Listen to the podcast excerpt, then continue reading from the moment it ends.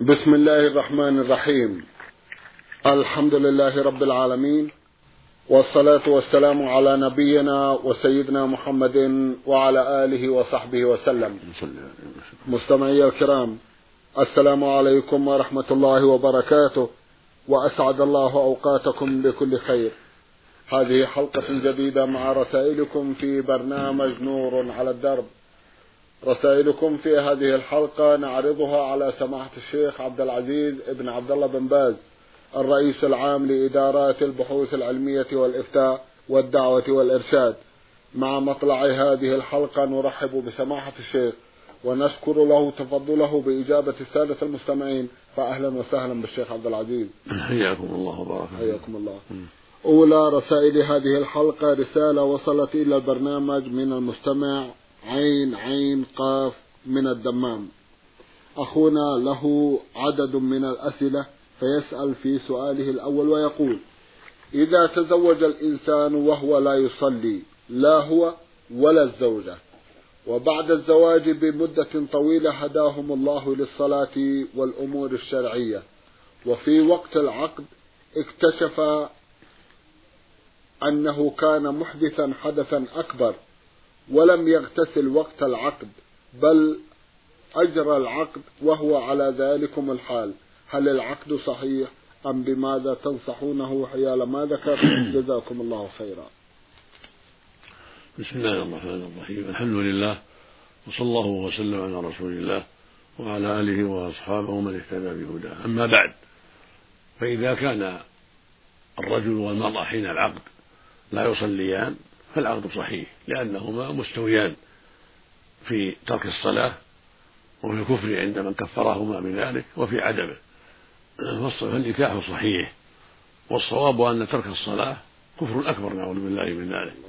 كما قال النبي صلى الله عليه وسلم العهد الذي بيننا وبينهم الصلاة فمن تركها فقد كفر.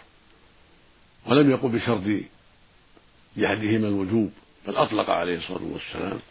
فدل على أن من ترك الصلاة كفر وإن أقر بالوجوب ومن ذلك قوله صلى الله عليه وسلم بين الرجل وبين الكفر والشرك ترك الصلاة خرجه مسلم في صحيحه. لكنهما مستويان لا يصليان فالعقد بينهما صحيح. كالنصرانيين واليهوديين والوثنيين. يتزوجا لأنهما مستويان في عدم الدين. أما إذا كان أحدهما يصلي والآخر لا يصلي حين العقد فإن الواجب تجديد العقد بعدما صلى من لا يصلي. وتاب إلى الله عز وجل يجدد العقد على الصحيح. على القول بأن ترك الصلاة كفر أكبر. فيجدد العقد بمهر جديد وشاهدي عدل بواسطة الولي. فالعقد يحضره أربعة الولي والزوج والشاهدان. فيجدد العقد بمهر وشاهدي عدل بعدما تاب الله على من كان لا يصلي منهما والحمد لله احتياطا وفرجا بخلاف العلماء الذين كفروا تارك الصلاة وقولهم أصح بظاهر الأدلة الشرعية. وأما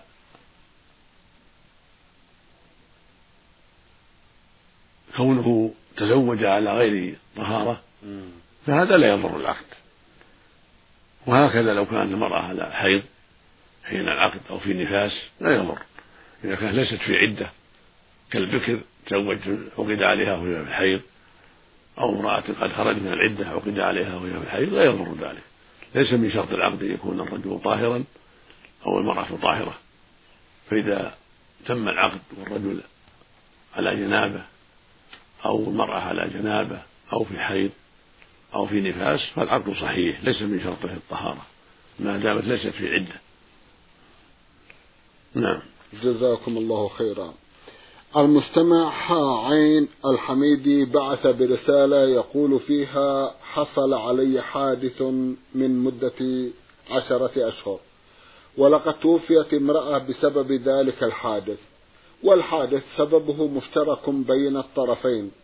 وقد أمرنا شيخ المحكمة بصيام شهرين متتاليين. عين يقول حصل علي حادث نعم. من مدة عشرة أشهر. نعم. ولقد توفيت امرأة بسبب ذلك الحادث. والحادث سببه مشترك بين الطرفين. وقد أمرنا شيخ المحكمة بصيام شهرين متتاليين. وأنا لا أستطيع الصيام. فهل يجوز دفع الصدقة عن الصيام؟ لأنني لا أستطيع الصيام وما مقدار الصدقة. أفيدونا. جزاكم الله خيرا. القتل ليس فيه صدقة. ليس فيه إلا كفارة. العتق فإن عجز فصيام شهرين متتابعين. هذا هو الواجب كما قال الله تعالى ومن كان لمؤمن أن يقتل من إلا خطأ ومن قتل من خطأ فتح رقبة مؤمنة ودية مسلم له إلا يصدقوا. إلى أن قال سبحانه من لم يجد فالصيام شهرين متتابعين توبة من الله. فمن قتل خطأ أو شبه عمد فعليه الكفارة وهي عتق رقبة مؤمنة مع الاستطاعة. فإذا عجز عن ذلك فإنه يصوم شهرين متتابعين بنص القرآن الكريم. وليس في ذلك إطعام. الإطعام في تحريم المرأة والظهار منها وفي الوضع في رمضان هذا هو اللي فيه الإطعام أو فيه العتق. فإن عجز فالصيام شهر متتابعين فإن عجز فإطعام ستين مسكينا. هذا في ظهار من المرأة وتحريمها وفي الوضع في رمضان. أما القتل فليس فيه إلا كفارتان العتق والصيام. العتق أولا لمن قدر عليه نعم. فمن عجز صام شهرين متتابعين ستين يوما. وليس فيه صدقة. نسأل الله لنا ولك العون. اللهم وعليك أن تصوم متى قدرت على ذلك. نعم. جزاكم الله خيرا. المستمعة شين ميم عوضة من مدينة أبها بعثت برسالة تقول فيها لي أبناء أعمام رضعوا معي في الحولين الأولين أكثر من خمس رضعات. واحد رضع معي من أمي ولم أرضع أنا من أمه. فكيف يكون وضع إخوتي الذين هم أكبر مني وأصغر مني؟ الذي رضع من أمك من أولاد عمك خمس رضعات أو أكثر؟ يكون أخا لكم جميعا. الذي رضع من أمك سواء قبلك أو معك أو بعدك خمس رضعات أو أكثر في الحولين حال كونه في الحولين هذا يكون أخا لجميع أولاد أمك. وجماع أولاد أبيك إذا كانت حين أرضعته مع أبيك سواء كان المرتضع قبلك أو بعدك أو معك أو مع أخيك الكبير أو مع أختك الكبيرة أو الصغيرة كله واحد. أما إذا كنت أنت رضعت من أمه فأنت أخته فقط. إذا كنت رضعت من أمه خمس رضعات فأكثر فأنت أختي أخت أولاد الأم التي أرضعتك أولاد المرأة التي أرضعتك دون إخوتك. أما إخوتك فليسوا أخا لأولاد المرضعة لأنهم لم يرتضعوا منها وإنما تضع منها أنت وحدك فأنت أخت لأولاد المرضعات فقط.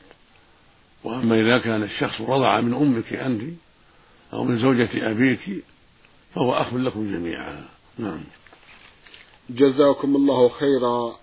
ابن عمي الآخر رضعت أنا معه من أمه وهو رضع معي من أمي وله أخ أكبر منه وأخ أصغر منه ولم يرضعوا من أمي. وأخته الكبرى رضعت مع أختي الكبرى وطريقتهم مثلنا كل منهم رضع من أم الآخر. فماذا أكون أنا وإخواتي بالنسبة لإخوان أخي من الرضاعة؟ وماذا تكون القرابة بين أخوات أخي من الرضاعة؟ لإخواني الذكور تقدم الجواب عن هذا. تقدم الجواب عن هذا. أما أنت إذا رضعت من أم بعض أولاد عمك فأنت أخت لجميع أولاد المرأة المرضعة. أنت وحدك دون إخوانك. لأنك رضعت من أمه فيكون أخا لك وهكذا إخوته وأخواته كلهم أخوات لك لأنك رضعت من أمهم. وهكذا أولاد الزوج الذي معه حين الرضاع صاحب اللبن أولاده إخوة لك. وأما إذا كان أحدهم رضع من أمك أنت فهو أخ لك ولإخوانك جميعا كما تقدم في جواب السؤال السابق. نعم. جزاكم الله خيرا. المستمع سين سين غين بعث بسؤال طويل ملخصه أنه ارتكب معصية معينة وعاهد الله أن يتوب منها. ثم إنه عاد. وهكذا يعاهد ويعود عددا من المرات والآن يستفسر سماحة الشيخ ويقول ما العمل وكيف يتم الإقلاع عن المعصية؟ عليك أن تجاهد نفسك وأن تراقب الله عز وجل وأن تعلم أنه لك بالمرصاد وأن التلاعب بمحارمه من أعظم أسباب غضبه عليك وقد يكون من عقوباتك أن يطبع على قلبك. حتى لا ترجع إلى الحق والعياذ بالله بسبب تساهلك وتكرار المعصية نسأل الله العافية. فالواجب عليك البدار بالتوبة الصادقة والندم على الماضي والعزم الصادق ألا تعود في ذلك. وعليك كفارة اليمين عما جرى منك من المعاهدة لربك والأيمان أنك لا تعود. عليك أن تكفر كفارة اليمين. عن ذلك مع التوبة الصادقة والإنابة. وكفارة اليمين إطعام عشرة المساكين. أو كسوتهم.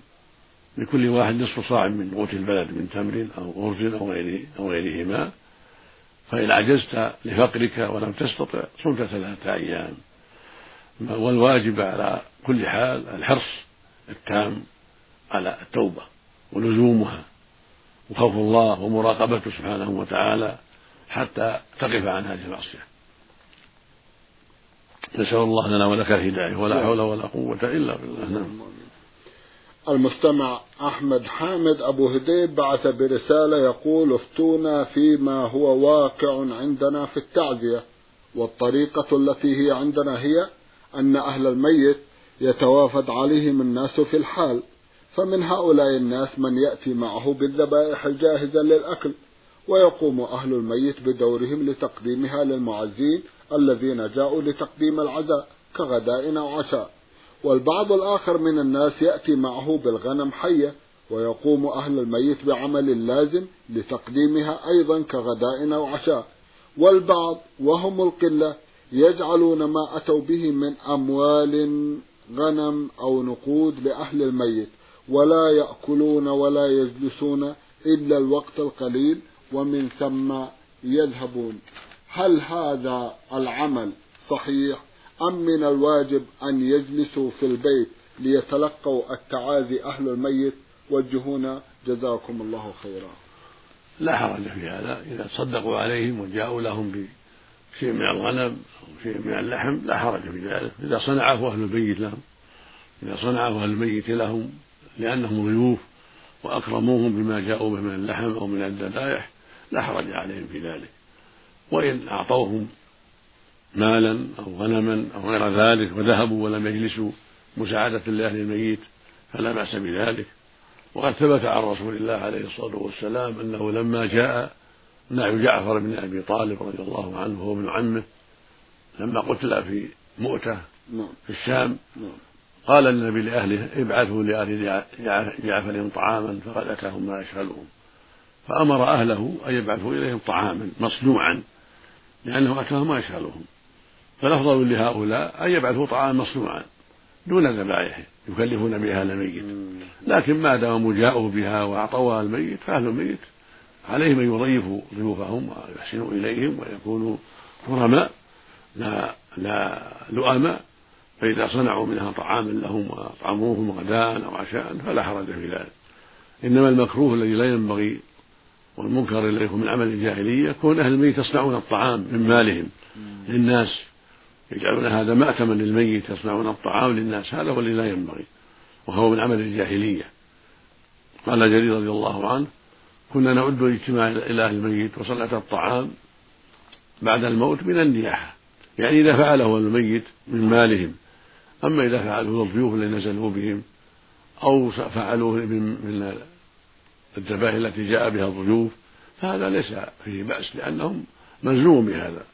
إكرام الضيف أمر لازم ولا حرج في إكرام في إكرام الضيف بل هو واجب. النبي صلى الله عليه وسلم قال من كان يؤمن بالله واليوم فليكرم ضيفه فإذا جاءهم جاءهم الضيوف سواء معهم طعام أو ما معهم طعام إذا جاءهم الضيوف ونزلوا عندهم وجلسوا إلى وقت الغداء أو العشاء وضيفوهم فلا بأس. وإذا كانوا معهم غنم كان معهم غنم أو لحوم كان الأمر أشد وآكد. لكن لا يبدأونهم أهل الميت لا يصنعون أهل الميت الطعام أهل الميت لا يصنعون الطعام. نعم. ويجعلون مأتما للناس وعادة هذا هو الذي ينكر عليهم وينهون عنه. والأفضل للذين يزورونهم أن يصنعوا الطعام في بيوتهم ويبعثوهم ويبعثوه إليهم مصنوعا كاملا حتى لا يكلفهم صنعة الطعام لأنهم مشغولون بالمصيبة. فالذي فعله الرسول صلى الله عليه وسلم وسنه للأمة أن جيرانهم أو أقاربهم يبعثون بالطعام مصنوعا إليهم حتى يكفوه المؤونة. هذا هو الأفضل. وإذا جاءهم الطعام وقدموا للضيوف ليأكلوا منه أو دعوا إليه جيران أو أقاربهم ليأكلوا فلا حرج في ذلك لأن الطعام لو ترك ضاع بغير فائدة. نعم. جزاكم الله خيرا. يسأل أخونا ويقول أهل الميت في ليلة الرابع من أيام العزاء يقومون بذبح الأغنام ويقولون هي صدقة عن الميت. ولا ندري هل هي من ماله الذي تركه لورثته أم من مال بعض الأقرباء أم أنها مقدمة من بعض من جاء يقدم العزاء من المتأخرين في تقديمه. نرجو التفصيل في حكم هذا. جزاكم الله خيرا. اعتياد هذا لا يجوز يكون يعتادون يوم الرابع أو السابع أو أربعين يذبحون الذبائح يصدقون الميت هذا من البدع لا يجوز هذا. لكن لو جاءهم ضيوف في اليوم التالي أو جاءهم ضيوف في اليوم الرابع أو في الخامس وذبحوا لهم أو معهم الذبائح فذبحوا منها لهم لا بأس بذلك. لإكرام الضيوف. أما يتخذوا عادة في اليوم الرابع أو الثالث أو الخامس أو العاشر أو السابع أو غير هذا عادة لا يجوز. يجب ترك البدع والحذر منها. نعم. جزاكم الله خيرا. من قرى المدينة المنورة المستمع عين باسين بعث برسالة يقول فيها عرفنا أن فريضة الصلاة قد فرضت قبل الهجرة أي في ليلة الإسراء والمعراج. هل فريضة الوضوء ومشروع ومشروعية التيمم أيضا قبل الهجرة أم بعدها؟ وإذا كانت بعد الهجرة ففي أي السنين جاء جاءت فريضة الوضوء ومشروعية التيمم وجهونا حول هذا الموضوع. وجزاكم الله خيرا. أما الوضوء فالأصل في ذلك أنه شرع مع الصلاة. لأن النبي, لأن النبي عليه السلام قال لا تقبل صلاة بغير طهور فالأصل في هذا أن الله شرع الوضوء مع الصلاة. أما التيمم فلم يشرع إلا في المدينة بعد مدة طويلة. شرع التيمم بعد ذلك في المدينة. وأما الوضوء فهو مشروع مع الصلاة. نعم. جزاكم الله خيرا. يسأل أيضا أخونا ويقول ما هو نوع صلة القرابة بين شخص ما وبين ابنة زوج أخته؟ ولكن البنت من امرأة أخرى ليست من أخت الشخص المذكور. هذه ليست قريبة له. ليست قريبة. هذه ليست من أرحامه ولا قريبة له. وإذا أحسن إليها لأنها بنت زوج أخته فلا بأس بذلك لكن ليست قريبة له. طيب. إنما تكون قريبة لو كانت بنت أخته يكون هو خالها فيحسن إليها كما يحسن إلى بقية الأرحام. أما بنت لزوج أخته ليست منها فلا تعتبر من أقاربه نعم. ما هي صلة القربى أيضا بين الشخص نفسه وبين زوج البنت نفسها؟ لو تزوجت مثلا وهل يعتبر زوج البنت التي ليست من شقيقته من ذوي الأرحام الذين لا يجوز مقاطعتهم؟ زوج البنت يسمى صهرا وليس رحما. فإذا أحسن إليه من أجل المصاهرة هذا مما ينبغي أن يفعل لأن المصاهرة لها صلة بالناس كصلة الرحم من جهة التقارب والاجتماع والتعاون. فإذا وصل زوج أخته أو زوج بنت أخته أو زوج بنت عمه من باب الإكرام لقرابته ومن باب الإحسان فهذا حسن ولكن ليس قريبا إنما هي قرابة مصاهرة. ومن عادة المسلمين إكرام الأصهار والإحسان إليهم وتقديرهم لأن ذلك في ضمن الإحسان إلى الأقارب الذين هم آه، بنات بنات عمه أو خالاته أو أخواته وهم وهن زوجات هؤلاء الأصحاب. فالحاصل أن الصفاء ليس من ليس من الأقارب ولكنه قريب للأقارب بالمصاهرة نعم. فيحسن إليه من أجل المصاهرة فقط ويكرم من أجل المصاهرة إكراما للقرابات كبنت أخيه وبنت أخته وأخته وعمته وخالته فأزواجهن لهن حق المصاهرة لهم حق المصاهرة من باب الإحسان إلى قراباته وبنات عمه ونحوهن لا أنهم لا أن الأزواج يعتبرون من الأرحام لا ولكنهم يعتبرون أصهارا يحسن إليهم ويكرمون إكراما للقرابات. نعم. جزاكم الله خيرا. إحدى الأخوات المستمعات من الرياض تقول المرسلة أختكم في الله أم محمد بعثت برسالة تقول فيها لي أخ حصل له حادث سيارة وكان معه بعض الأشخاص وقد توفي واحد منهم في المستشفى. هل عليه صيام شهرين مع العلم بأنه لا يستطيع ذلك لوجود مرض به يمنعه من صوم الشهرين المتتاليين؟ هل هناك كفارة؟ وما هي؟ جزاكم الله خيرا. إذا لازمته كفارة لكونه هو السبب في موت الميت الحادث فإنه يكفر بعتق رقبة. يوجد في بعض أفريقيا رقاب تعتق في موريتانيا. يوجد رقاب تعتق فإذا استطاع أن يشتري بواسطة دار الإفتاء أو غيرها فلا بأس بذلك يلزمه ذلك مع القدرة. فإن عجز صام شهرين متتابعين متى قدر؟ وإذا كان عاجزا في الوقت الحاضر فإنه يبقى في ذمته الصوم حتى يستطيع ويصوم بعد ذلك. فاتقوا الله ما استطعتم. هكذا يقول الله عز وجل فاتقوا الله ما استطعتم. نعم. وليس في ذلك إطعام. إما العتق وإما الصوم. هذا هو الواجب في القتل قتل الخطأ. نعم. جزاكم الله خيرا. ذكرتم أن هناك بعض الرقاب تعتق في موريتانيا بالذات. كم يكلف عتق الرقبة؟ سماحة الشيخ بالريال السعودي. عشرة ألاف ريال تقريبا. عشرة ألاف ريال؟ ما بين تسعة إلى عشرة إلى أحد عشرة. إلى أحد عشر. أحد عشر. نعم. جزاكم الله خيرا. قد اشترينا من هذا نعم. جملة وأعتقناها. بواسطة مندوبنا في موريتانيا نعم. نعم جزاكم الله خيرا. لدي أخت توفي ابنها في حادث سيارة ولم يترك وراءه مال إلا ما يأتيه من التقاعد ويستلمه والده ولم يعط والدته شيئا لشيء. نعم. تقول لدي أخت توفي ابنها في حادث سيارة ولم يترك وراءه مال إلا ما يأتيه من التقاعد. ويستلمه والده ولم يعطها شيئا لكي تتصدق به عنه. وعندما تقول وعندما تقول تصدق عنه يقول لو فعلت ذلك إنها لا تملك شيئا من المال لكي تتصدق به. هل عليها ذنب في ذلك؟ أو ماذا تفعل؟ جزاكم الله خيرا. ليس عليها شيء ولا بأس بذلك. وليس على أبي شيء إذا لم يتصدق عنه. هم أحوج إلى الصدقة إذا كانوا فقراء فهم أحوج إلى التقاعد نعم. حتى يأكلوه هم وأولادهم. وإذا تيسر لهم الصدقة عنه من مالهم ولو قليلا فالصدقة تنفع الميت لكن لا يلزم الصدقة.